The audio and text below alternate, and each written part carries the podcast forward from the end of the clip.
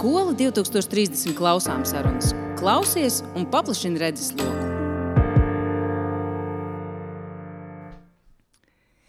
Vērtēšana. Kāpēc iespējas objektīvāk novērtēt skolēnu zināšanas un prasmes, un vai tikai zināšanas un prasmes? Kāpēc ir svarīgi vienot pieeja vērtēšanā dažādos priekšmetos un dažādos vecumposmos? Esiet sveicināti Skola 2030 klausām sarunās. Um, šodien man ir divi viesi. Solvita Lazdiņa, izglītības eksperte, Latvijas Universitātes starpnozaru izglītības inovāciju centra pārstāvja. Šodien labdien! Labdien! Un Pāvils Pestovs, skola 2030 vecākais eksper eksperts un Rīgas 72. vidusskolas direktors. Labdien, Pāvēl! Labdien! Sākšu kā parasti. Kā jums šodien klājas? Steidzīgi. Steidzīga. Ļoti labi. Jā. Sakiet, cik vērtējumus šodien esat jau ielikuši vai veikuši? Nu, es personīgi vērtējumu nevienu neesmu šodien ielicis. Ielicis, bet vai tu esi veicis vērtēšanu? Vērtēšanu šodien nē, bet vakardien gan man bija mācību stundas, un tur gan vērtēšana notika. Kā tev ar solvit? Ar Nu, es sevi vērtēju šodien. Aha, tad vērtēšu. Ir tā, ka nu, šis ir tas jautājums. uh, Vērtēšana vispār ir ļoti, ļoti sarežģīts un komplicēts jautājums. Un viena no lietām, kas ir man liekas, ļoti, ļoti būtiska, ir, ka šī vērtēšana notiek pēc iespējas objektīvāk. Un tas, man liekas, ir viens no jautājumiem, kas ir kā, nu, tāds uz galda stāv visur un vienmēr, kā vērtēt objektīvi. Un, uh, un savukārt, lai to varētu darīt, man liekas, ir jāmēģina saprast, um, kāds ir vispār mērtē, vērtēšanas mērķis. Un, uh, un tad, ja es jums jautāju, nu, kā, kā jums šķiet, kāds ir vispār vērtēšanas mērķis? Un pirmais, es no sākuma pajautāšu, vai vērtēšana un atzīme ir viens un tas pats? Kurš gribētu sākt? Nu, Pāvils sāks. Nu, labi, tad es varētu sākt. Es domāju, ka pirmā lieta tiešām ir tajā, ka uh, mums ļoti skaidri tā arī jāpasaka, ka vērtēšanā un vērtējumu izlikšanā pirmkārt ir divas ļoti atšķirīgas lietas. Uh, un nodalīt, kura brīdī mēs runājam par vērtēšanu, kas pirmkārt ir atbalsts skolēnam, vai jebkuram īstenībā atbalsts uz to sasniedzamo rezultātu, kuru mēs plānojam aiziet, kuru mēs plānojam sasniegt. Uh, Un vērtējam mēs īstenībā, es domāju, ļoti daudzveidīgas situācijas, ne tikai skolā, bet jebkur, kur mēs gribam, vai kur kāds grib iemācīties vairāk. Un tad mēs izdomājam faktiski to veidu, kā viņu vislabāk atbalstīt. Un tas dažreiz ir rakstisks komentārs, dažreiz tas ir paraugs, dažreiz tā ir stratēģija, dažreiz tā ir atgādne. Ja? Un, uh, faktiski mācīšana nav iespējama bez vērtēšanas. Bet gan iespējama bez vērtējuma izlikšanas. Ja? Līdz ar to, tad, kad mēs runājam par vērtējumu izlikšanu, ar to es saprotu jebkuru simbolu. Tas varētu būt INI, tas varētu būt 1, 2, 3, 4, 5, tas varētu būt kā Amerika ABCD. Mm -hmm. I, tas varētu būt jebkurš simbols, vai arī 1, 3 posmā Latvijas kontekstā STAP. Ši, šie ir konkrēti vērtējumi, ja, un īstenībā mācīšana ir iespējama bez vērtējumiem, taču vienlaikus mums ļoti nozīmīgi komunicēt par rezultātu. Kaut kā ļoti kompakti uh, un efektīvi komunicēt vecākiem par konkrētu skolēnu sniegumu, pedagogiem, kolēģiem, administrācijai tā skaita. Līdz ar to mums ir nepieciešams uh, kaut kāds nu, ļoti kompakts veids, kā mēs varam atspoguļot sniegumu. Un tad mēs izmantojam vērtējumus. Mhm. Vienlaikus es gribētu tikai akcentēt, ka gan vērtēšana, gan uh, vērtējuma izlikšana īstenībā tiešām nav triviāls un tāds vienkāršs process. Tas tiešām ir komplekss jautājums, komplicēts jautājums, īpaši tajā brīdī, kad mēs sākam iedziļināties. Mm. Pirmā brīdī var šķist, nu, kāda problēma tur jā, ir. Nezinu, ir kaut kāds matemātisks algoritms, kas noteikti visu izdarīs pareizi. Mm. Bet īstenībā, tad, kad mēs paskatāmies uz starptautisko pieredzi, tad, kad mēs paskatāmies uz zinātnisko pētījumu rezultātiem, abas šīs lietas tiešām ir izaicinājumiem faktiski pilnas. Mm. Savu, Jā, es uh, varbūt viņš no citas puses palūkošu, kad uh, vērtēšana ir veids, kas var palīdzēt priecāties par mācīšanos, saprast sevi, radīt dziļāku interesi. tā kā vērtēšana var būt tiešām kā instruments, kur kurš tev palīdz rakt dziļāk. Mm. Un viņš katrā gadījumā var būt arī cita veida instruments, un to mēs ļoti labi skolā redzam, ka tas var būt sots. Un tas nu, ir galīgi nelāks vērtēšanas virziens, kur, kur, kur piet. Mm. Jā, nu tā, bet Pāvils ļoti, tā, ļoti plaši un, un vispusīgi, vispusīgi sniedz to informāciju. Man, tad, kad no skolas perspektīvas skatoties, kad mēs varam skatīties arī uz bērnu, bet vērtēšana ir ļoti svarīga arī priekš, priekš nu, Pāvila pievienotiem vecākiem, bet arī priekš skolotāju un skolas vadības. Tas, ko es saklausīju abos divos gadījumos, bija tas, ka, um, vai, nu, vai es pareizi sapratu, ka mācīties un mācīšanās process var um, notikt bez vērtējuma, kā gala rezultāta, bet nevar notikt bez vērtēšanas. Jā, noteikti. Nu. Un, un tas arī attiecas uz uh, jebkuru situāciju. Ja? Tātad mm. mēs noteikti, tad es gribu, uh, vai skolēns grib, ja? vai pieaugušais grib sasniegt un iemācīties kaut ko jaunu, vai pilnveidot. Mm. Ja? Piemēram, tas pats arī braukt ar mašīnu. Līdz ar to es varu iemācīties braukt ar mašīnu, bet uh, man ir nepieciešams, lai kāds man parādītu, sniegtu atbalstu uh, pa, pēc pārauga, pēc instrukcijām, lai es apgūtu teorētiskos pamatus un tā tālāk. Uh, Faktiski, droši justos. Jā, droši justos, tātad arī nu, tātad emocionālo atbalstu. Uh, bet vienlaikus es esmu apguvis, tātad, piemēram, šis, uh, šis prasmes, vienlaikus vērtējums droši vien, ja mēs uh, varētu tā, kaut kā paralēli paskatīties, es teiktu, ka ir apliecība. Ja, ir mhm. apliecība par to, ja, mm ka tu tiešām, ka tavas prasmes tiešām atbilst noteiktam standartam. Līdzīgi Jā. ir arī skolā. Es, bet, bet es varu taču iemācīties, braukt, bet man nebūs šo tiesību, ja, vai man būs tikai baltas tiesības, nezinu, mm. vēl kaut kādas mm. iespējas. Bet uh, tiesības kā tādas šai gadījumā ir vērtējums, jeb mm. simbols, jeb kārta, jeb vēl kaut kas, kas atspoguļo mano noteiktu. Nu, Uh, prasmju līmeni. Mm. Ja, kas šajā gadījumā valsts institūcija ir apliecinājusi. Līdzīgi ir arī tātad, skolas vai pirmsskolas mm. situācija. Nekādas atšķirības nav. Tad, kad bērns pirmsskola mācās rakstīt burtus, piemēram. Ja? Mm. Tātad viņam obligāti ir vajadzīgs atbalsts. Kā to labāk izdarīt uh, procesā?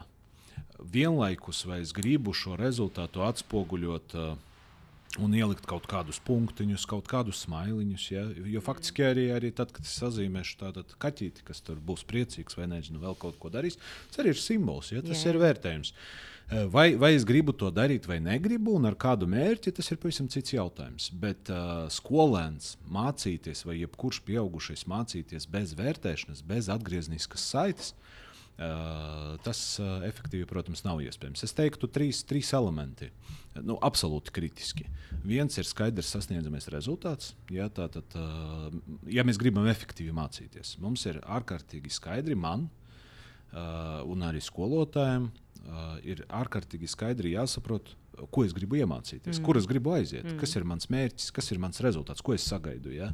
Vai tas ir mašīnu vadīt, vai burtus rakstīt, vai vēl kaut ko. Bez tā arī ne mācīšana, ne vērtēšana efektīva visdrīzāk nav iespējama. Otrs ir tātad pret šo sasniedzamo rezultātu kritēriju, kā es zināšu, ka man labi sanāk. Mm. Ja? Un tas arī tas var būt uh, rakstisks kritērijs, kaut kāds apraksts, tas var būt piemērs. Jo, piemēram, pirmsskola ir ārkārtīgi grūti piemēram, skolēnam, bērnam stāstīt, kas ir labs burcā. Ja? Bet parādot vairākus piemērus, Nu, mēs tiekam pie tā, ka mēs saprotam, kas ir laba kvalitāte. Ko mēs sagaidām no katra. Kaut vai paņem, mēs arī kaut kad iepriekšējās sarunās runājām, kaut vai iedod viņam zaļo zīmolīti un ļauj viņam pašam ieraudzīt, kurš ir tas labais aburts, kas viņam tieši sanāca. tā, tieši tā. tā, tā, tā nu, tur ir turpat šajā gadījumā ir, jā, šajā gadījumā pat ir kaut kādi pašnovērtēšanas mm -hmm. elementi parādās. Mm -hmm. Tātad tā, otrs ir atgriezniska saite manā, tātad tā, arī. Ja, es varu arī pats ieraudzīt, ko, cik labi es eju uz šo mērķi. Uh, Bet, protams, no skolas situācija visbiežāk skolotājs ir tas, kas var mani atbalstīt, vai arī klases biedrs, kas mm -hmm. var mani atbalstīt. Tātad sniedzot atgrieznisko saiti. Un trešā lieta ir tikpat nozīmīga. Kādi ir pierādījumi tam, kas esmu iemācījies? Ja? Kas, kas, ka, ko, ko mēs šajā gadījumā uzskatīsim ja, par tādu nu, labu rezultātu? Un it kā ļoti triviāli. Bet tad, kad mēs iedziļināmies, tad, protams, nav tik triviāli. Jo, piemēram, kas būs pierādījums tam, ka es esmu iemācījies filtrēt. Ļoti bieži mēs redzam, ka. Tu par ķīmiju. Runā. Nu, piemēram, ja par ķīmiju, var arī ne par ķīmiju. Kā, kā, kā, kā, kā mēs zināsim, ka Tātad uh, es esmu apguvis konkrētu prasmi. Tad īstenībā ļoti bieži man ir jādemonstrē reāli šo prasmi. Mm. Tas, ka es uzrakstīšu, kā filtrēt, īstenībā tev uh, nekad negarantēs to, ka es protu filtrēt. Tas, ka es uh, uzrakstīšu vai uzzīmēšu, piemēram, tas arī negarantē, ka es protu filtrēt. Bet tad, kad es tev demonstrēšu šo prasmi, ta, un tu vērosi, piemēram, tad gan mēs varam sarunāties par to, ka jā, šī prasme ir kaut kāda līmenī noteikti apgūta. Jūs abi pieminējāt arī, nu, ka vērtējums varētu būt kā atbalsts un kā sots. Un es zinu, ka nu, runājot par vērtēšanu, viena no lietām, ko prasa, kurā ailītē man ko rakstīt.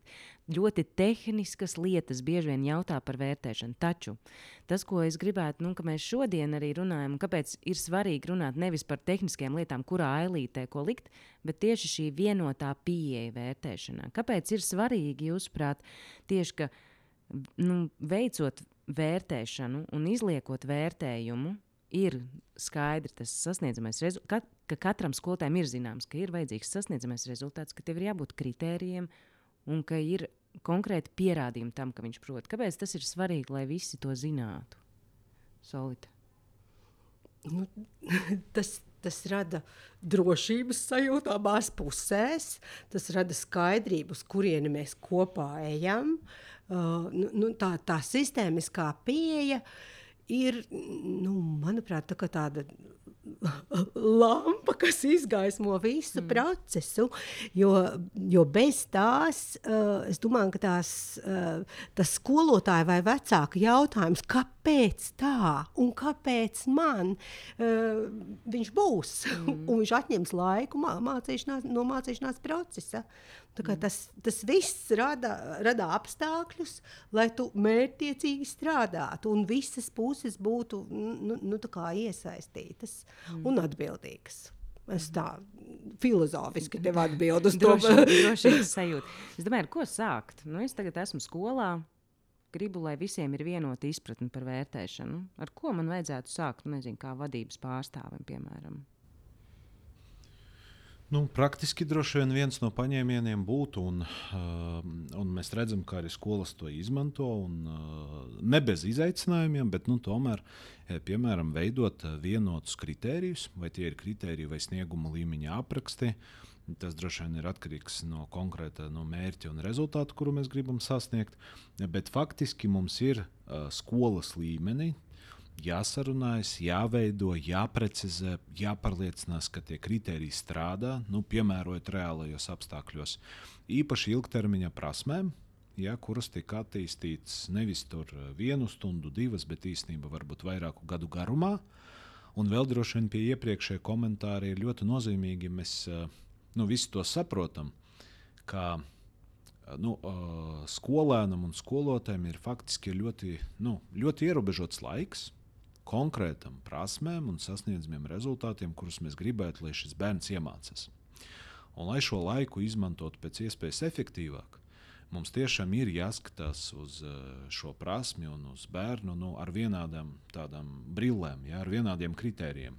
Jo, ja viens saka, ka nu, visvienkāršākais piemērs, laba prezentācija ir tāda, Cits saka, ka laba prezentācija ir tāda, trešais vēl kaut ko saka. Tad jautājums ir, kā šāda procesā bērns vispār var kaut ko iemācīties. Uh, nu, un, un, un tā ir būtiska lieta, ka mums ir ierobežots laiks, mēs gribam vislabāko iespējamo rezultātu, un tas ir iespējams uh, sasniegt tikai tajā brīdī, kad mēs visi strādājam skolā kā komanda. Un tā ir ļoti nozīmīga lieta. Uh, vairākus pētījumus pat ir teikts, ka uh, daudzās sistēmās, un es domāju, mūsu sistēma nav izņēmums, kur skolotājs atnāk strādāt uz savu kabinetu, mācīt savu priekšmetu. Bet ilgtermiņā gribētos, lai skolotājs atnāk strādāt uz skolu. Mēs kā kolektīvs, mēs kā komanda atbildam par šo skolēna rezultātu, un viņš atnāk mācīt skolēnu. Ja, viņš sāk strādāt ar šo skolēnu no tās vietas, kur viņš ir. Un, lai to izdarītu, mums atkal ir nepieciešams vērtēt. Faktiski mums vajag pārliecināties, kur, kurā pozīcijā viņš ir. Un tur nav nekādu šaubu, ka mums bērni atnāk no pirmsskolas. Viņi jau pirmajā klasē viņi atnāk. Viņi jau atrodas ļoti atšķirīgas pozīcijas. Ja, vieni uh, prot lasīt, citi neprot lasīt. Vieni ir uh, dzimuši Kanādā, citi ir atbraukuši vēl no citas valsts, un tagad viņi visi kopā ir viena kolektīva, uh, viena klasē. Un līdz ar to, ja mēs uh, katrs skatāmies uh, nu, no atšķirīgas tādas perspektīvas, tad, protams, bērnam no tā kļūst grūtāk, viņam visu laiku jāpielāgojas, jātērē laiks arī skolotājiem un, un, un bērnam. Un līdz ar to mums ir jāskatās, kā mēs ik, ikdienas laikā sarunājamies. Un arī vēl droši vien ļoti nozīmīgs jautājums, pilnveidot satura kontekstā. Mums ir daudzi sasniedzami rezultāti, kas prasa vairāku skolotāju iesaisti. Runājam par starppriekšmetiem. Ja? Jā, starp, priekš, starp priekšmetiem. Nu, klasiskais atkal piemērs - pētniecība, bioloģija, pētniecība, ķīmija. Bet arī tāda sadarbība jau sākas faktiski arī no pirmās klases. Mm. Jā, kas, par, kādi, piemēram, temati vai kādi jautājumi tiek celti sociālās zinības un kāda ir latviešu valoda, kas angļu valoda notiek. Viņi zina, kas notiek viņu blakus priekšmetos. Reizēm viņi var sadarboties. Man bija jautājums, um, kā, mm, Jā, Solvi, tu gribēji pie, piebilst. Um, jā, man bija arī piemērs par ekspertību, kā, kā viens no veidiem, kā, skat, mm. kā sadarboties skolotājiem mm. savstarpēji. Ja? Nu, un, un ka tu tiešām sāc tos vienotos kritērijus veidot vienā mazā, nu, labi, ekspertība nav maziņš lauciņš, bet nu, vienā mm. salīdzinoši ierobežotā laukā un varbūt salīdzinoši ierobežotā klašu grupā, nevis visā, visur uzreiz. Un tas ir arī tāds. Izdošanās uh, priekšnosacījums, ka tu sāc lēnām un, un, un iesaisti, iesaisti aizvien vairāk cilvēku tajā. Tad, respektīvi, es kā vadītājs izlēmu, tagad es gribētu, lai maniem, maniem darbiniekiem, maniem skolotājiem ir vienota izpratne. Mēs ķeramies klāt pie kritērijiem. Un man liekas, ka tas bija tas, nu, ļoti svarīgi, tas, ko tu pieminēji, ka tajā mirklī, tad, kad mēs veicam jebkādu veidu mācību procesu, tad ir svarīgi uzdot jautājumu, vai es šobrīd mācu konkrēto mācību priekšmetu, vai es mācu konkrēto bērnu. Un man liekas, ka tā, tad, nu, tā mēdz būt atšķirība starp to, vai es mācu mācību priekšmetu. Bet tas mans jautājums ir, kāda, nu, Solīds, šis var, varbūt jautājums tev. Um, kāda varētu būt skolotāja motivācija gribēt? Vispār man ir ērti. Es strādāju skolā nezinu, 10, 20 gadus, es esmu vērtējusi noteiktā kārtībā, kāda varētu būt mana motivācija mainīt savu domāšanu par vērtēšanu. Jo daudz vieglāk ir tomēr ielikt konkrētu ciparu, uh, saskaitīt viņus kopā, sadalīt ar uh, atzīmu skaitu. Uh, jā, un tā pieredze uh, ļoti spiež darīt tā kā jau ierasti. Tā ir, tā ir drošības sajūta skolotājiem, mm -hmm. un to mhm. atbalsta arī vecāki, kuri pieprasa tieši to pašu. Mm -hmm. Līdz ar to tās pārmaiņas galīgi nav vienkāršas. Mm -hmm. Bet no otras puses mēs zinām, ka tajā brīdī, kad uh, bērnam ir skaidrība, kas viņam ir jāiemācās, mm viņam ir daudz lielākas iespējas iesaistīties tie patiešām no sirds iesaistīties, gūt gandarījumu no procesa un gribēt šo procesu atkārtot. Mm. Tas, ko skolotājs var iegūt, viņš var iegūt bērnu kurš pats vēlas mācīties. nu, tā, tā ir tā skolotāja mm. interese, bet man uzreiz jāpiebilst, ka kamēr skolotājs to nav piedzīvojis pats savā praksē, viņam, mm. nu, viņam ir jārod, jārod iespējas vai nu to skatīties no, no, no kolēģiem, vai nu, var sakot, ieraudzīt. Tas nav vienkāršs ceļš. Mm. Jā, nu, nu, tāpēc arī es, es pieņemu, ka tie cilvēki, kas ir skolā, viņi sastopas ar pretestību. Mm. Jo tā, tas ierastais, ierastais virziens, viņš ļoti pietur. Un es vēlreiz atkārtošu, ka, nu, kad, lai gan vecāku kopiena šobrīd pamatīgi mainās, un viņi, viņi arī prasa, nu, uh, nu, tādu, pla, viņiem ir tāds plašāks skatījums uz vērtēšanu, bet ir vecāki, kas, kas šobrīd mm. joprojām atbalsta eksistējošo Jā, jo vērtēšana līdz šim, nu, vismaz tā, kur es esmu savā dzīvē piedzīvojis, man bijusi ir, mm, nu, tāds, tād, zināmā mērā minēšanas spēle. Ja es spēju uzminēt, par ko mums būs kāds pārbaudas darbs, vai kas man ir jāprot, tad man paveicās. Bet, ja es nu, ne īpaši veiksmīgi minu šajā spēlē, tad nu, es neuzminu. Un man liekas, ka viena no lietām, kas ir tā, tā mainīšanās, kad nu, mm, nu, mēs zinām, ko no mums prasa, mēs varam tam laikus sagatavoties, un tad, ja tas uh, vērtējums ir kvalitatīvs, un mēs, man liekas, diezgan daudz tieši tajā vērtēšanas, domāšanas maiņā ir par kvalitatīvu darbu veidošanu, kur ir skaidri saprotama vērtēšanas kritērija, kur ir skaidri saprotams sasniedzamais rezultāts un skaidri saprotami tie pierādījumi arī, kas liecinās, ka es esmu tiešām to iemācījies. Jo arī tagad, tad, kad piemēram, bērnam man jāmācās dzējolis no galvas uz rītdienu, parītdienu, viņam ir pieejama kritērija, ko viņam vērtēs. Vai viņi ir kvalitatīvi, nezinu. Nu, man būs jāiet mājās, jāpaskatās. Jo tā nav vairs tāda minēšanas spēle. Man liekas, tā ir arī ļoti, ļoti svarīga. Sap, Jā, tu, tu zini, ko no tevis sagaida, vai ne? Jā. Tā ir tā, man jau pieminēta Drošība, drošība. es saprotu, jā. Solvit, šodien to tēmu nu, drošība. kaut kā es esmu tā uzkārusies uz drošību šobrīd. Bet, uh, bet tu arī zini, kas tev ir jāiegulda, lai tu to darītu. Nu, tā kā tu zini, nu, tā kā, un, protams, tev arī pastāv iespēja, es negribētu visu sasniegt.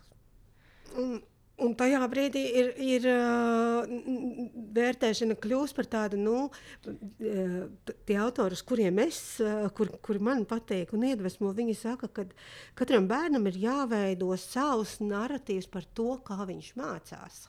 Un to viņš īstenot caur vērtēšanu. Un viņš var arī pieņemt lēmumu, mm. iemācīties tikai pusi no dzējoļa.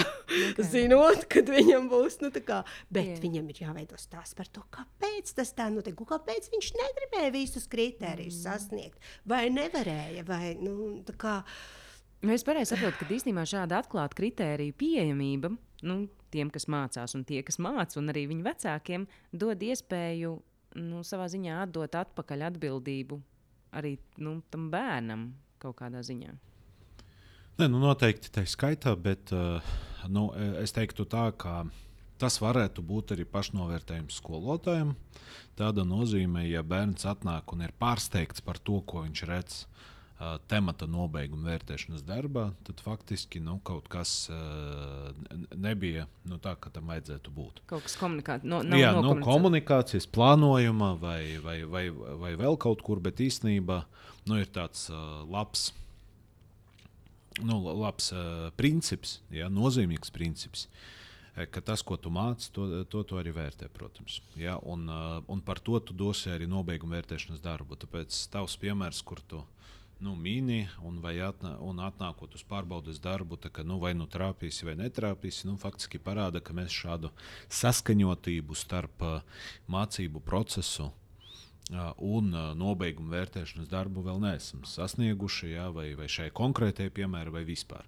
Bet kopumā es domāju, tas ir labs tāds, pašnovērtējums skolēnam saņemot. Uh, temata nobeiguma vērtēšanas darbu, jebkura formāta.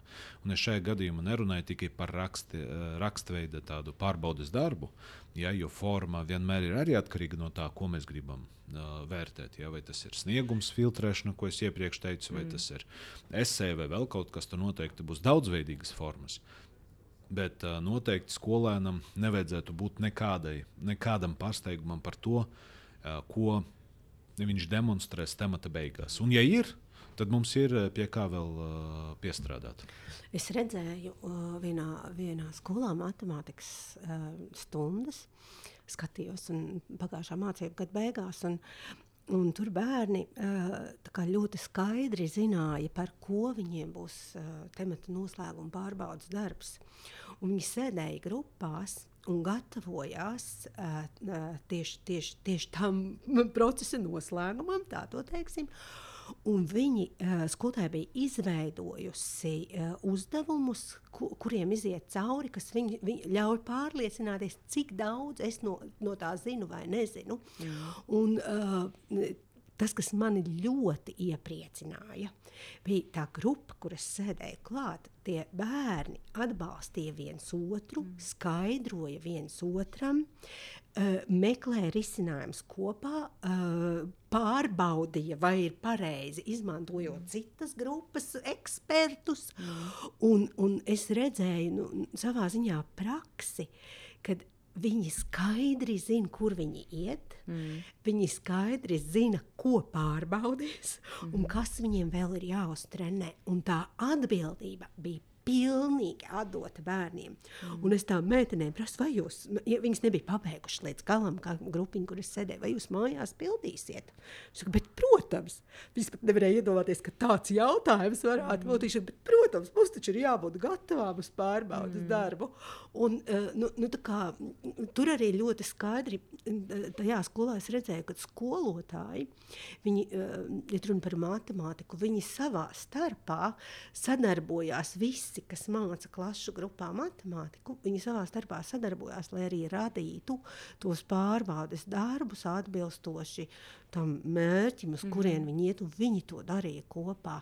Nu, Par kā, kuru vecumu posmu tu runā šobrīd? E, es biju pie 8. klases.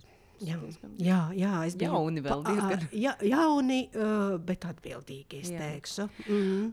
Tāpēc man liekas, šobrīd ir svarīgi pajautāt, mm, ko mums vajadzētu un ko nevajadzētu vērtēt.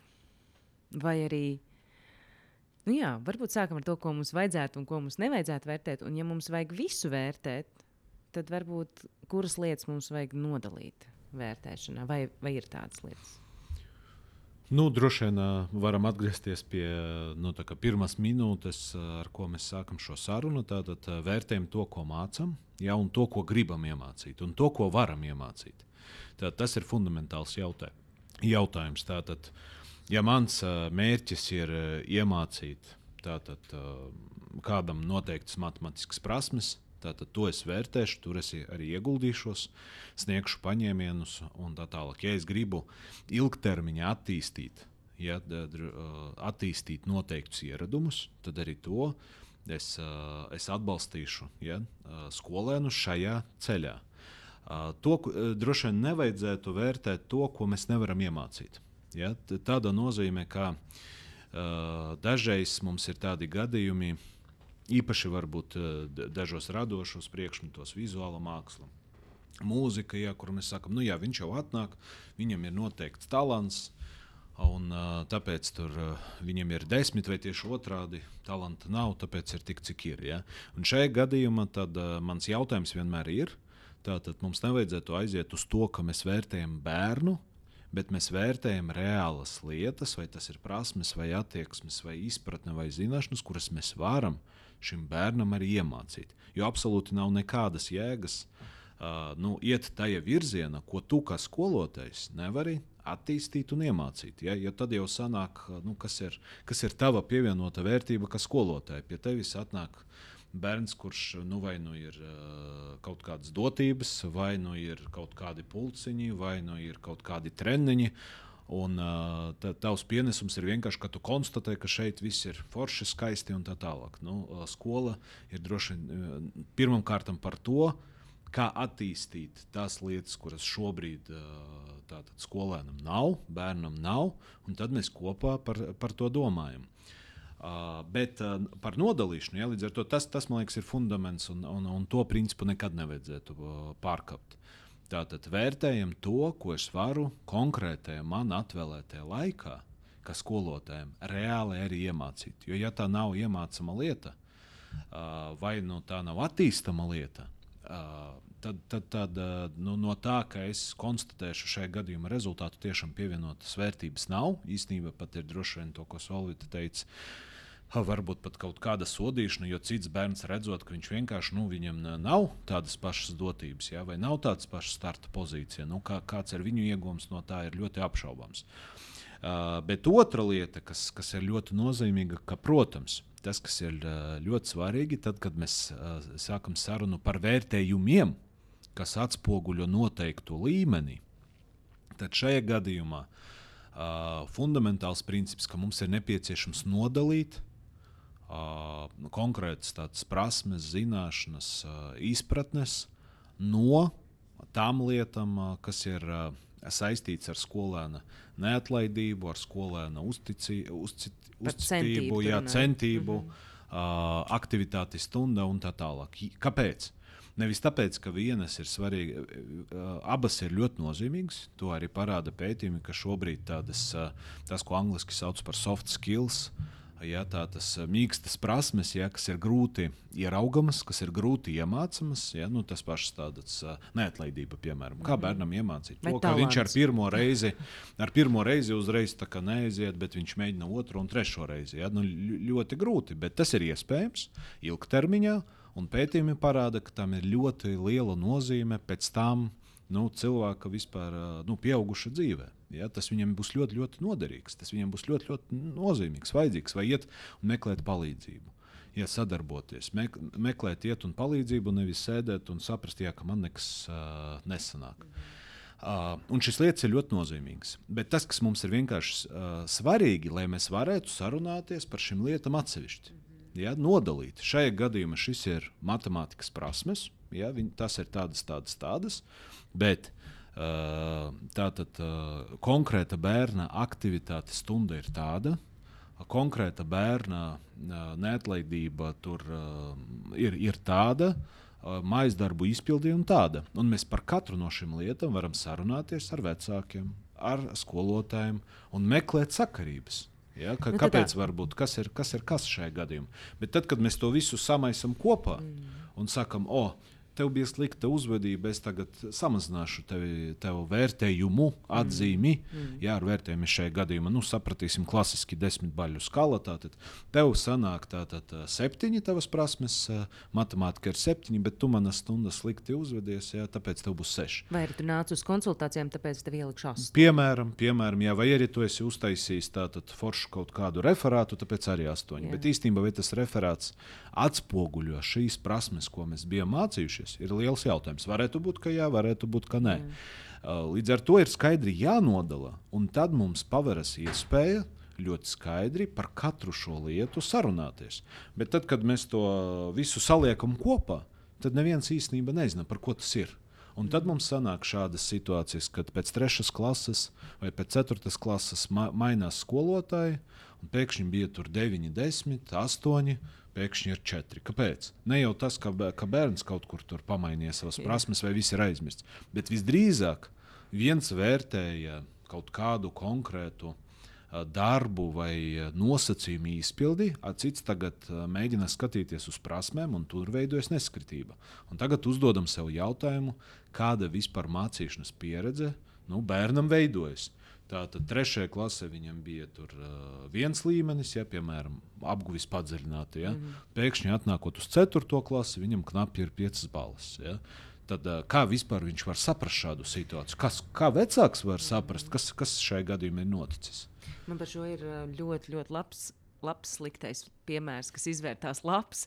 Uh, skola, kurā ļoti uh, strikti vērtēšanas nosacījumi ir. Tur nu, tiešām ļoti stingras prasības, un nu, diezgan tāda konservatīva vērtēšanas uh, metode. Ne, nevar būt ne pēc tās, uh, tām tendencēm, kā mēs šobrīd runājam, ar tādu striktu nosacījumu, nu, nodalījumu, skaidru mērķi un vispār ko vērtējums, priekš kam mēs to darām.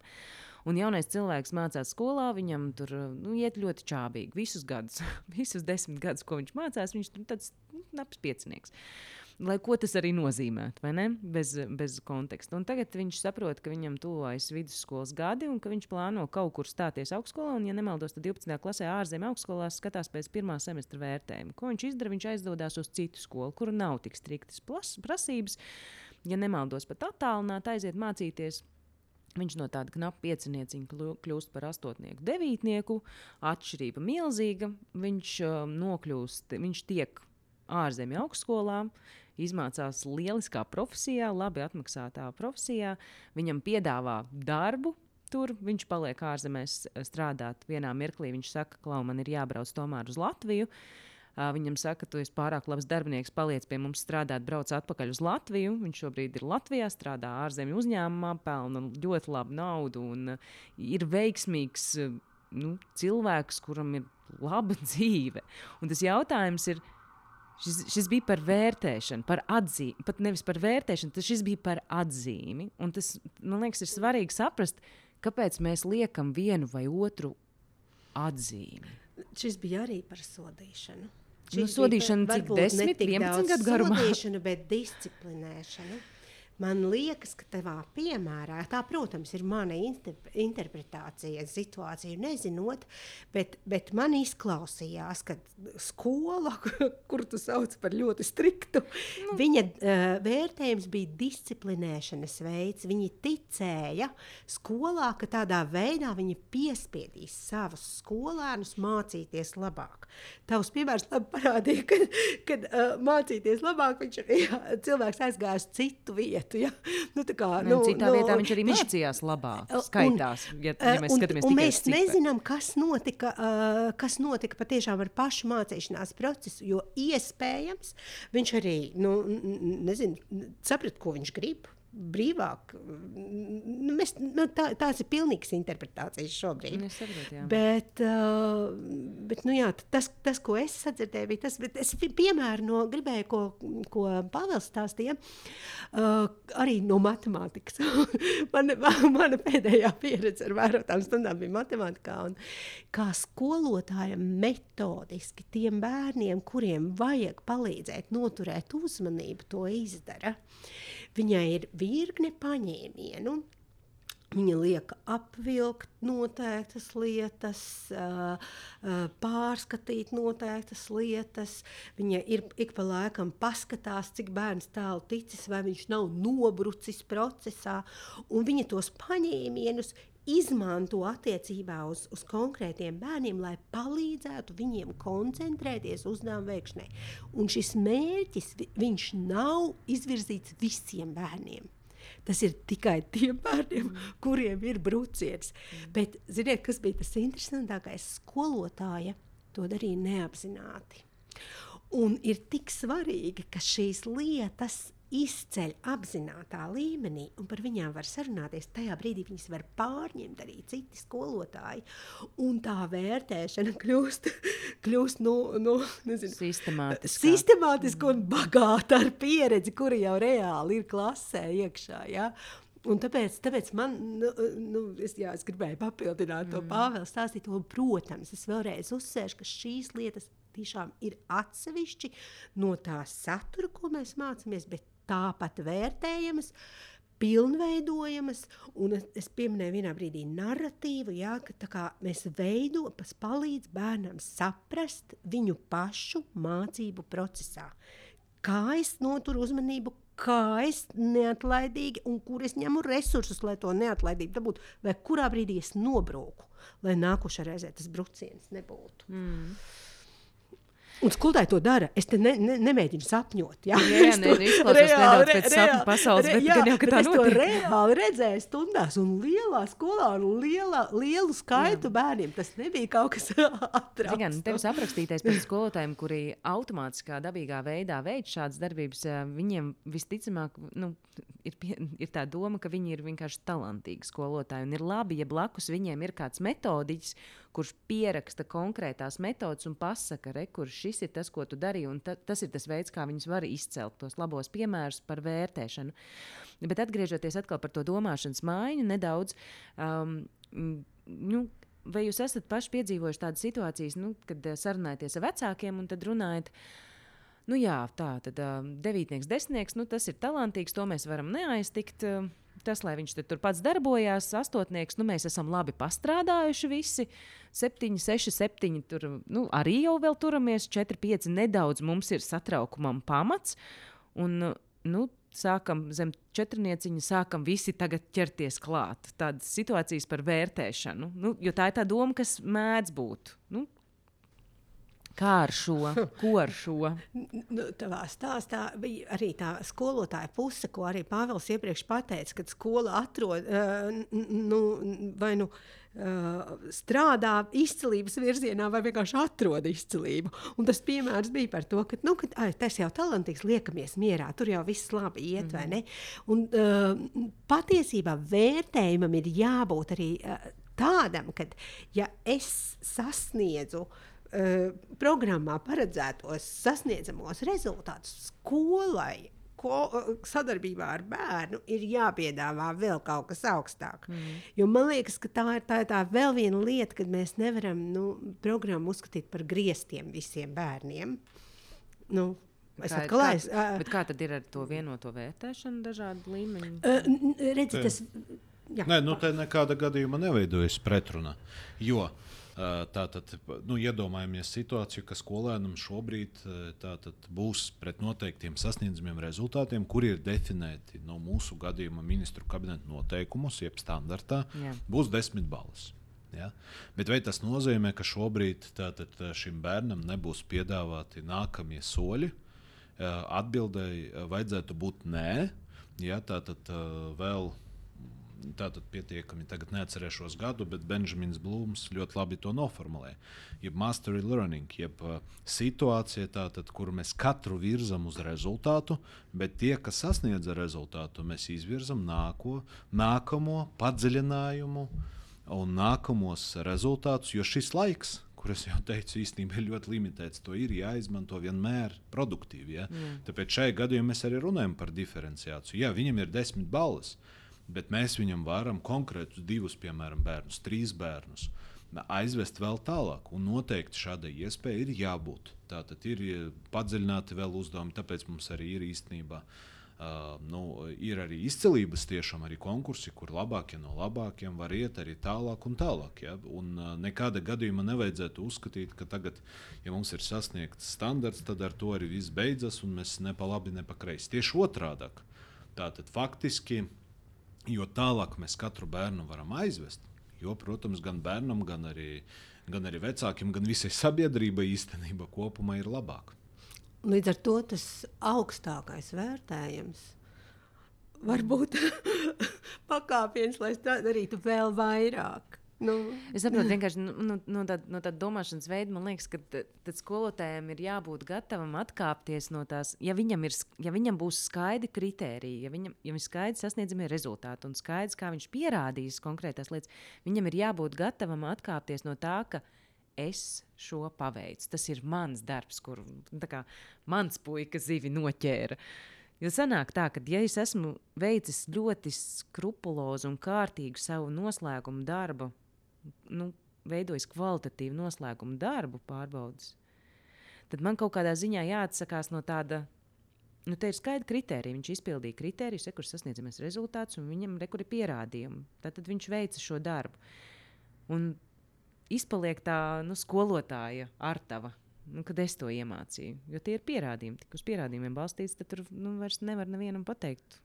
Vai, vai Nu, tā nevajadzētu būt. Es domāju, nu, tas, ko skolēns ir iemācījies, nu, ir, ir skolas skolotāja nu, nopelns, uzdevums un, un, un, un darbs. Nu, faktiski, ja, tas jau ir, ir tas mācību process. Jā. Tas, ko mēs gribam, nu, kā sabiedrība droši vien iet vienu soli tālāk, lai šie procesi būtu caurspīdīgāki mm -hmm. un saprotamāki.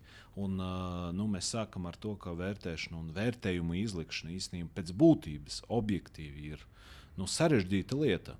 Un vienmēr kaut kāds subjektivitātes moments paliks, bet tas mūsu mērķis. nu, Tas vienkārši nav iespējams. Ja? Īpaši atkal tādos priekšmetos, kur šo kvalitāti īstenībā ir ieraudzīta sarežģītāk, bet ir iespējams. Bet mūsu Uh, mūsu atbildība ir tajā, ka mēs to subjektivitāti ar skaidriem šiem kritērijiem varam samazināt līdz noteiktai robežai. Tā ir viena lieta, un otra lieta - mēs varam ar skaidriem, ar skaidriem iezīmētiem mērķiem un kritērijiem, mēs varam uh, tiešām sistēmu uzlabot, lai tā ir caurspīdīgāka, mm. un taisnīgāka un saprotamāka. Lai nevienam nav pārsteigums, kāpēc šajā gadījumā ir desmit, kāpēc šajā gadījumā ir septiņi un kāpēc temata nobeiguma vērtēšanas darbs izskatās tā, kā tas izskatās. Man liekas, ka nu, ta, tas ir uh, ļoti nozīmīgs jautājums. Tas caurspīdīgums man liekas, Jā. ir ļoti, ļoti būtisks. Jo tad atkal izpaliek šis minēšanas, kāpēc man ir tāds, kāds ir. Tieši tā. Bet tajos ministra noteikumos, kas stāsies spēkā no nākamā mācību gada 1. septembrī, ja nemaldos, tur ir tas, tie papildinājumi. Un viens no papildinājumiem ir, ka šis noslēguma pārbaudas darbs, pats pēdējais, ir ar lielāku svaru. Vai tu vari pastāstīt Pāvēl, par to vairāk? Nu, šeit atkal, šeit droši vien, lai mēs, saprotu, lai, lai mēs saprastu, kāpēc vispār kaut kādi precizējumi šais noteikumos top, tie ir saistīti pirmām kārtām ar mērķi, kuru mēs gribam sagaidīt no vērtējumiem šajā gadījumā. Ja, šai, tātad šobrīd es gribētu skaidri nodalīt. uh, vairāki punkti šajos ministru kabineta noteikumu grozījumos ir par vērtējumiem, jeb atzīmēm. Jā. Summatīvs vērtējums. Jā, tieši tā. Okay. Un atzīmē ir skaidri pateikts mērķis, kam atzīmē vajadzētu komunicēt pēc iespējas precīzāk, cik tas ir iespējams, skolēna sniegumu konkrētajā laikā. Tas ir šajā brīdī. Ja šodien mana prasme matemātika ir šāda un šāda līmenī. Tas nav par to, ka es tikai šāda līmenī varu mācīties, bet tas ir par to, ka šajā brīdī, tātad šodien, tātad septembrī, manas prasmes ir tādas un tādas. Ja mēs izējām no šī mērķa, ka mērķis ir pēc iespējas precīzāk uh, komunicēt šo snieguma līmeni, tad, protams, mums kļūst pietiekami skaidrs, ka par vieniem un tiem pašiem sasniedzamiem rezultātiem, jaunākiem šiem pierādījumiem ir īstenībā lielāks svars un nozīme. Kāpēc? Nu, ļoti vienkārši paskatāmies uz svešu valodu apguvi un prasmēm. Ja, tad ir četras prasmju kategorijas - klausīšana, rakstīšana, lasīšana. Un, ja skolēns sāk, piemēram, arī sesto klasi vai jebkuru klasi no nu, varbūt ne no tās pozīcijas, kuras kā, būtu viņam jāsāk sesto klasi. Bet viņš beidz sesto klasi ar vērtējumu, ar atzīmi desmit, bet viņu sākuma pozīcija sestajā klasē bija, nu, paņemsim ekstremālu situāciju, trīs. Ui. Tad, uh, ja, ja, un, un mans mērķis, atkal pieturamies pie tā, mans mērķis ir pateikt, cik lielā mērā skolēns ir apguvis konkrēti sasniedzamos rezultātus. Tad šajā gadījumā trīs plus tātad desmit un, ir, un izdalīt ar divi. Sešinieks, jā, iedot pilnīgi neko. Un tad vēl jo īstenībā, jā, nu, labi, nu, uzvedību tātad nesabiezināsim krāsas, jā, bet nu, tomēr tātad šis sešnieks raksturo tieši ko? Nu, Visdrīzāk neko. Tātad, ja es gribu pateikt, ko skolēns ir iemācījies, gada beigās, tad uh, viņu vērtējums, ja atzīme ir desmit. Tas ir šis līmenis, kas raksturo okay. skolēnu visprecīzāk. Bet, protams, nu, skolotājiem un arī sabiedrībai kopumā ir uh, nu, vienmēr jautājums, labi, tas nozīmē, ka varu neko nedarīt. Nu, mēs vienmēr zīmējam tādas atkal ekstremālas situācijas. Nu, o, tas nozīmē, ja, ka skolēns neko nedarīs gada, gada laikā, un tad, tad tikai beigās kaut ko izdarīs. Nu, man gribētos pats paskatīties, kas ir par mācību procesu, kur gada laikā neko nevar var nedarīt, un pēc tam pēkšņi eh, parādīt, eh, nu, tu, tur vienmēr droši vien ir kaut kādi iemesli. Ja? Un tāpēc tāda ir ietverta norma, ka nu, arī iepriekšējiem atzīmēm eh, un vērtējumiem ir nozīme, bet tā nozīme, protams, ir uh, mazāka. Es piemēru no vienas uh, skolas gribēju šai sakarā pateikt, ka uh, ar ukraiņu bērniem strādājot, viņi, viņi redz, ka tas šī brīža vērtējums bērniem ir salīdzinoši zems. Un zems tāpēc, ka valodu viņi šobrīd nepārvalda. Mm. Un tāpēc nu, nu, tā šāds skatījums ļauj, un ministrs kabineta noteikumi to arī ļauj, nevērtēt tajā brīdī, bet vērtēt beigās. Mm -hmm. Respektīvi, kad uh, vi, viņi turpina atbalstīt bērnu mācīšanos, uh, nevērtējot, jo tas vērtējums, nu, nu neierakstot to, kas tur sanāk, vērtējot, bet neierakstot to, kas sanāk, uh, bet uh, nu, nu, virzoties uz to, lai, lai gala beigās vērtējums būtu pietiekami sekmīgs. Un tas arī ir nu, nu, bijis savādāks, bet jā, jā. līdzīgs piemērs par to. Nē, nu, tas būtu tieši tāpat kā tad, kad es sāku mācīties braukt. Es baigi nemāku braukt, beigās es māku braukt, bet man saka, tā kā tu sākumā nemācēji braukt, tad, tad nu, diemžēl tu nevari dabūt tiesības. Nu, kaut kā tā sanāk. Nu, nu, kaut, kaut kā tā sanāk, un tas nav tas, ko mēs noteikti gribētu. Ja? Jā. Un Solvita pieskaras pie tā, ka, mm, tātad, nu, piemēram, Ukraiņu bērni vai arī jebkuri bērni, kas, kuriem sākuma pozīcijas ir atšķirīgas. Mm -hmm. nu, faktiski tas ir vēl viens ļoti nozīmīgs jautājums nu, sabiedrības kontekstā un izglītības sistēmas kontekstā, kā mēs tomēr šos bērnus tiešām atbalstam. Veidojot vai nu individuālus plānus, un tad arī liekot vērtējumus pret to, atkal, ko es esmu mācījis. Ja? Jā. Jo, jo vienkārši, jo vienkārši ik pēc mēneša bērniem pateikt, nu, ka jūs nesat apguvuši šo sasniedzamos rezultātus, kas ir ieplānoti, nu, īstenībā tam nekādas jēgas nav. Ja, nu, tu, tur vajag iziet, acīm redzot, ja mums ir iekļaujošie bērni, vai nu mums ir uh, reemigranti vai emigranti, jebkuri. Tad ir jāsaprot, kā viņi pilnvērtīgi iekļaujas mūsu sistēmā un atkal saņem šo atbalstu. Uh, jo, diemžēl, ir arī pietiekami daudz gadījumu šobrīd, uh, kur reimigrantu bērni nevar sekmīgi iekļauties mūsu sistēmā, un vecāki atkal ar šiem bērniem aizbrauc prom. Nu, tas nozīmē, ka mums ir uh, vēl nepieciešams ieguldīties šajā virzienā, nu, lai tomēr tāds nenotiktu. Mm.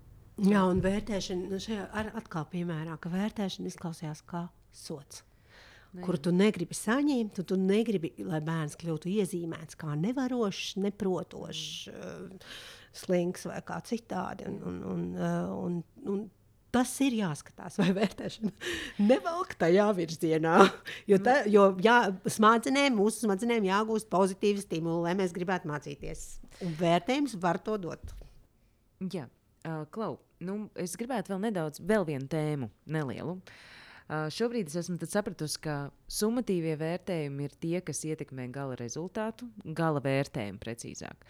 Lielāks svars ir tam vērtējumam, kurš ir noslēgumā, jo tas demonstrē šī brīža manas zināšanas un prasmes. Bet pret tiem pašiem sasniedzamiem rezultātiem. Jā, tas ir ļoti nozīmīgi. Ja, ja man sākumā uh, mācību gada sākumā, piemēram, matemātika bija viens temats, a beigas bija cits temats. Jā. Tad, protams, šai gadījumā nu, kaut kāda matemātiska algoritms, jeb darbība, vai tas ir vidējs, vai tā ir mediāna, ir nepieciešama un tā, un tā atbilst tam, ko es gribu izdarīt. Ja? Bet, ja tas ir par tiem pašiem sasniedzamiem rezultātiem, tad, protams, nu, vidē aritmetiskā aprēķins faktiski neatspoguļo to, ko mēs gribētu atspoguļot. Jā. Bet, ja man ir situācija, kur gada ietvaros ir trīs atšķirīgi temati ar atšķirīgiem sasniedzamiem rezultātiem, tad, Viņus tad, nevar savstarpēji salīdzināt. Jā, tad, tad, jā, bet tev beigās, mācību gada beigās, tev tik un tā visi sagaida, ka tu ar vienu cipariņu spēsi raksturot, kurš šis bērns tātad, nezinu, cik 200 stundas ir apguvis. Ja? Tāpēc es arī teicu, nu, ka īstenībā. Nu, ir, ir, ir sarežģīts šis jautājums. Ja? Tad, tad bērns, ja bērns ir mācījies 200 stundas, viņš ir apguvis daudz, daudz, daudz, daudz, daudz ko. Uh, un tagad mēs beigās, mācību gada beigās, gribam ar vienu simboliņu, ar vienu ciparu noraksturot, ko viņš ir iemācījies. Uh, tāpēc vienmēr nu, tas ir tāds uh, sarežģīts jautājums. Bet šajā gadījumā droši vien matemātika, kur ir atšķirīgi temati, vidējā aritmetiskā aprēķins, vislabāk raksturos bērna ma sniegumu matemātikā. Mm -hmm. Um, bet, nu, ja mēs skatāmies atkal uz vērtējumu, kā, kā atbalstu, uz vērtēšanu un vērtējumu kā atbalsta sistēmu, vai um, arī šajos noteikumos, un arī šobrīd tas nav nekas jauns, ir uh, tie diagnosticējošā vērtēšana. Mums tā tad ir tāda, es mēģināšu savilkt, nu, cilvēks, kurš neliek vērtējumu e-klasē, es mēģināšu savilkt. Tātad mums ir summatīva vērtēšana, mums ir formatīva vērtēšana, mums ir diagnosticēšana, un es saprotu, parādījies vēl viens uh, kas ir monitorings vai monitorā vērtēšana? Jā, nu, monitoringa vērtēšana, bet es domāju, šajā gadījumā nu, galvenais no skolotāja pozīcijas ir nu, tādas divas nozīmīgas lietas. Viena lieta ir, protams, formatīva vērtēšana, kur es liktu gandrīz vienādības zīmi ar atgrieznisko saiti, jeb atbalstu. Ja, jo es formatīvi vērtēju tikai nu, ar mērķi faktiski atbalstīt skolēnu. Un, ja tas atbalsts tur nav noticis, uh, tad uh, droši vien tā nav formatīva vērtēšana pa lielam. Ja, ļo, ļoti nu, skaidri pasakot. Un tad ir summatīva, jeb tāda, es gribu šobrīd pateikt, uh, cik lielā mērā rezultāts ir sasniegts. Mm -hmm. ja, tātad, vai, vai, tas sasnie, vai tas rezultāts ir sasniegts pilnvērtīgi, dziļi un tā vai tikai daļai ir sasniegta. Tas ir tas, ko es gribu pateikt.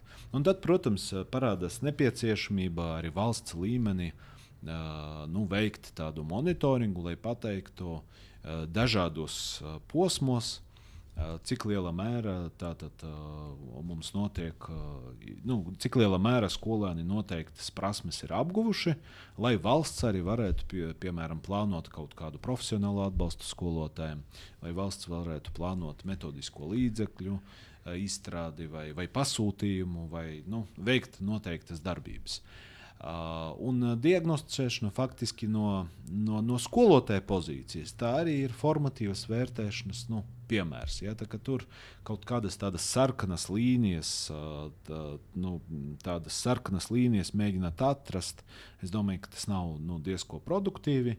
Jautājums ir par to, kā uh, šajā gadījumā es meklēju iespējas es meklēju veidus, kā es saprotu, kāpēc skolēnam nesanāk. Ja?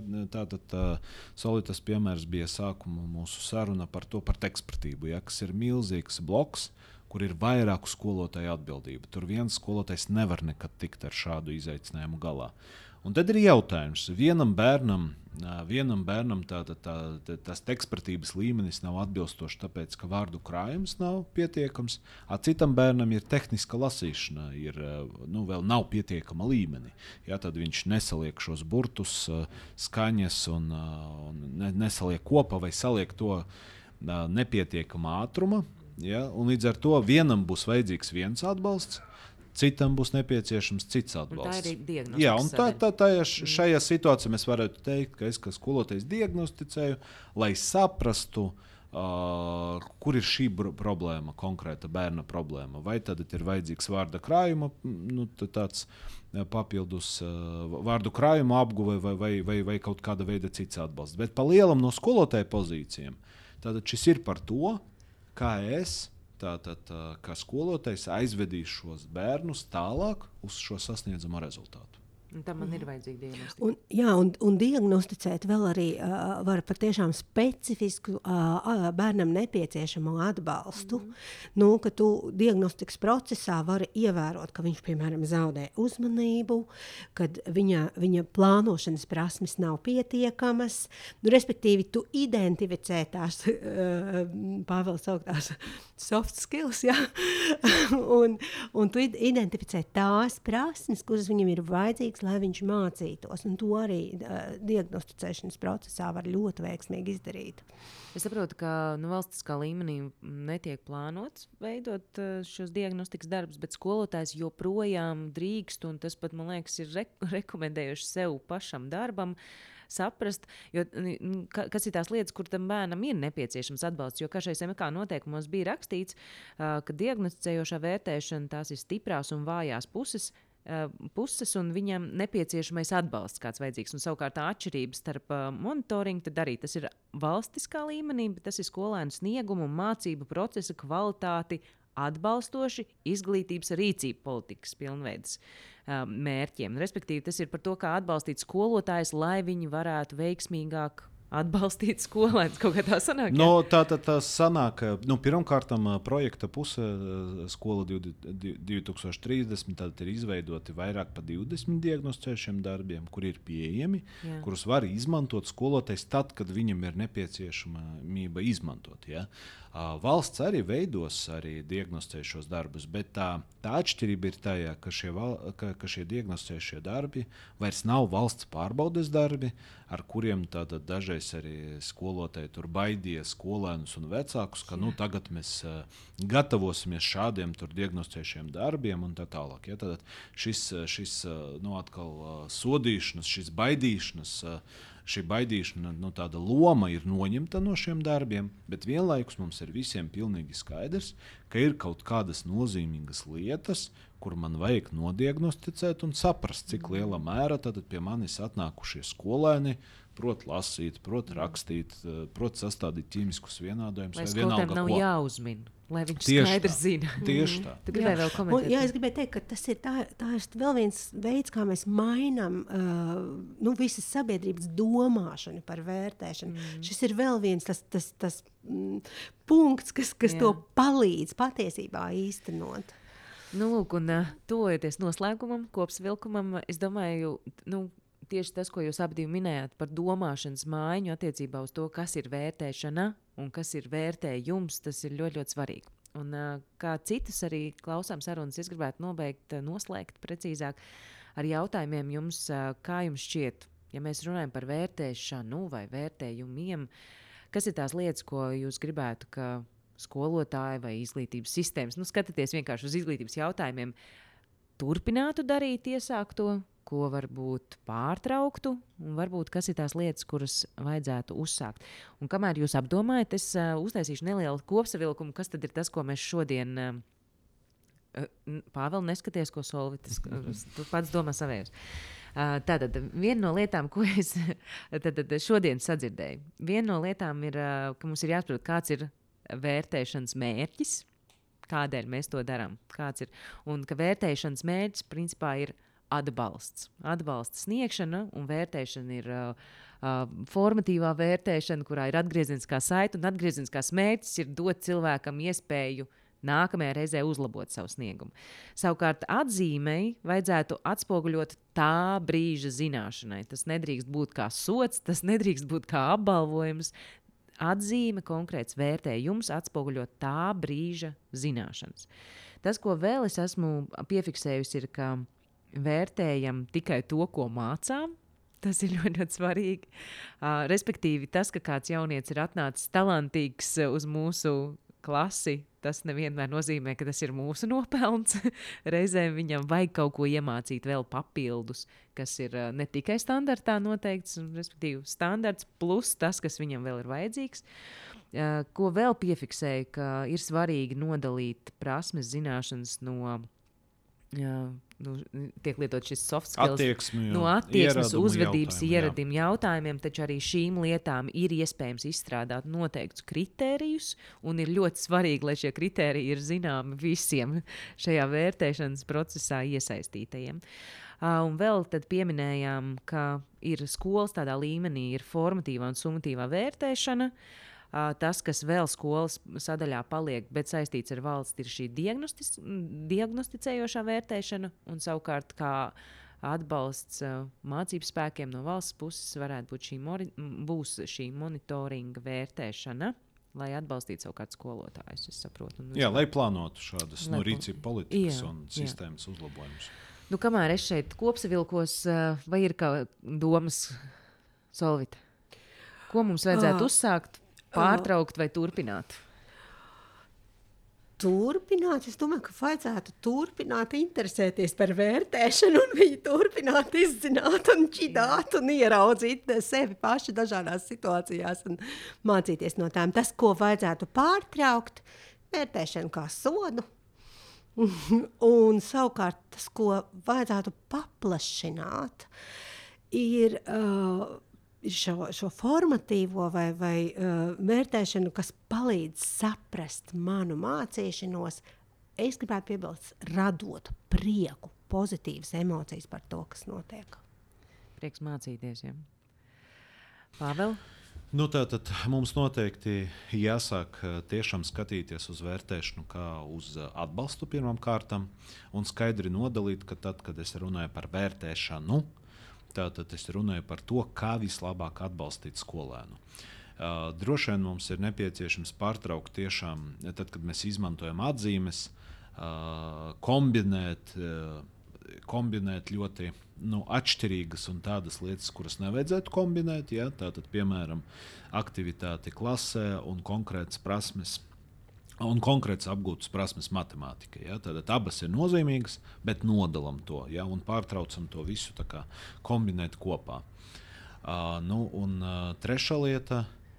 Viens ir pārtraukt. Jā, pārtraukt, un uzsākt turpināt. un turpināt. Jā.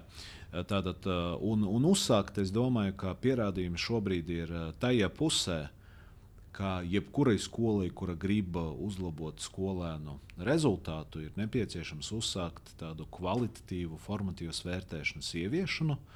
Ja, tas nav, nu, to, to ir viegli pateikt. Bet izdarīt atkal tie gan starptautiskie, gan arī mūsu Latvijas universitātes pētījumi liecina, ka tas ir divu, trīs un vairāk gadu ietvaros. Bet nu, sākam šobrīd.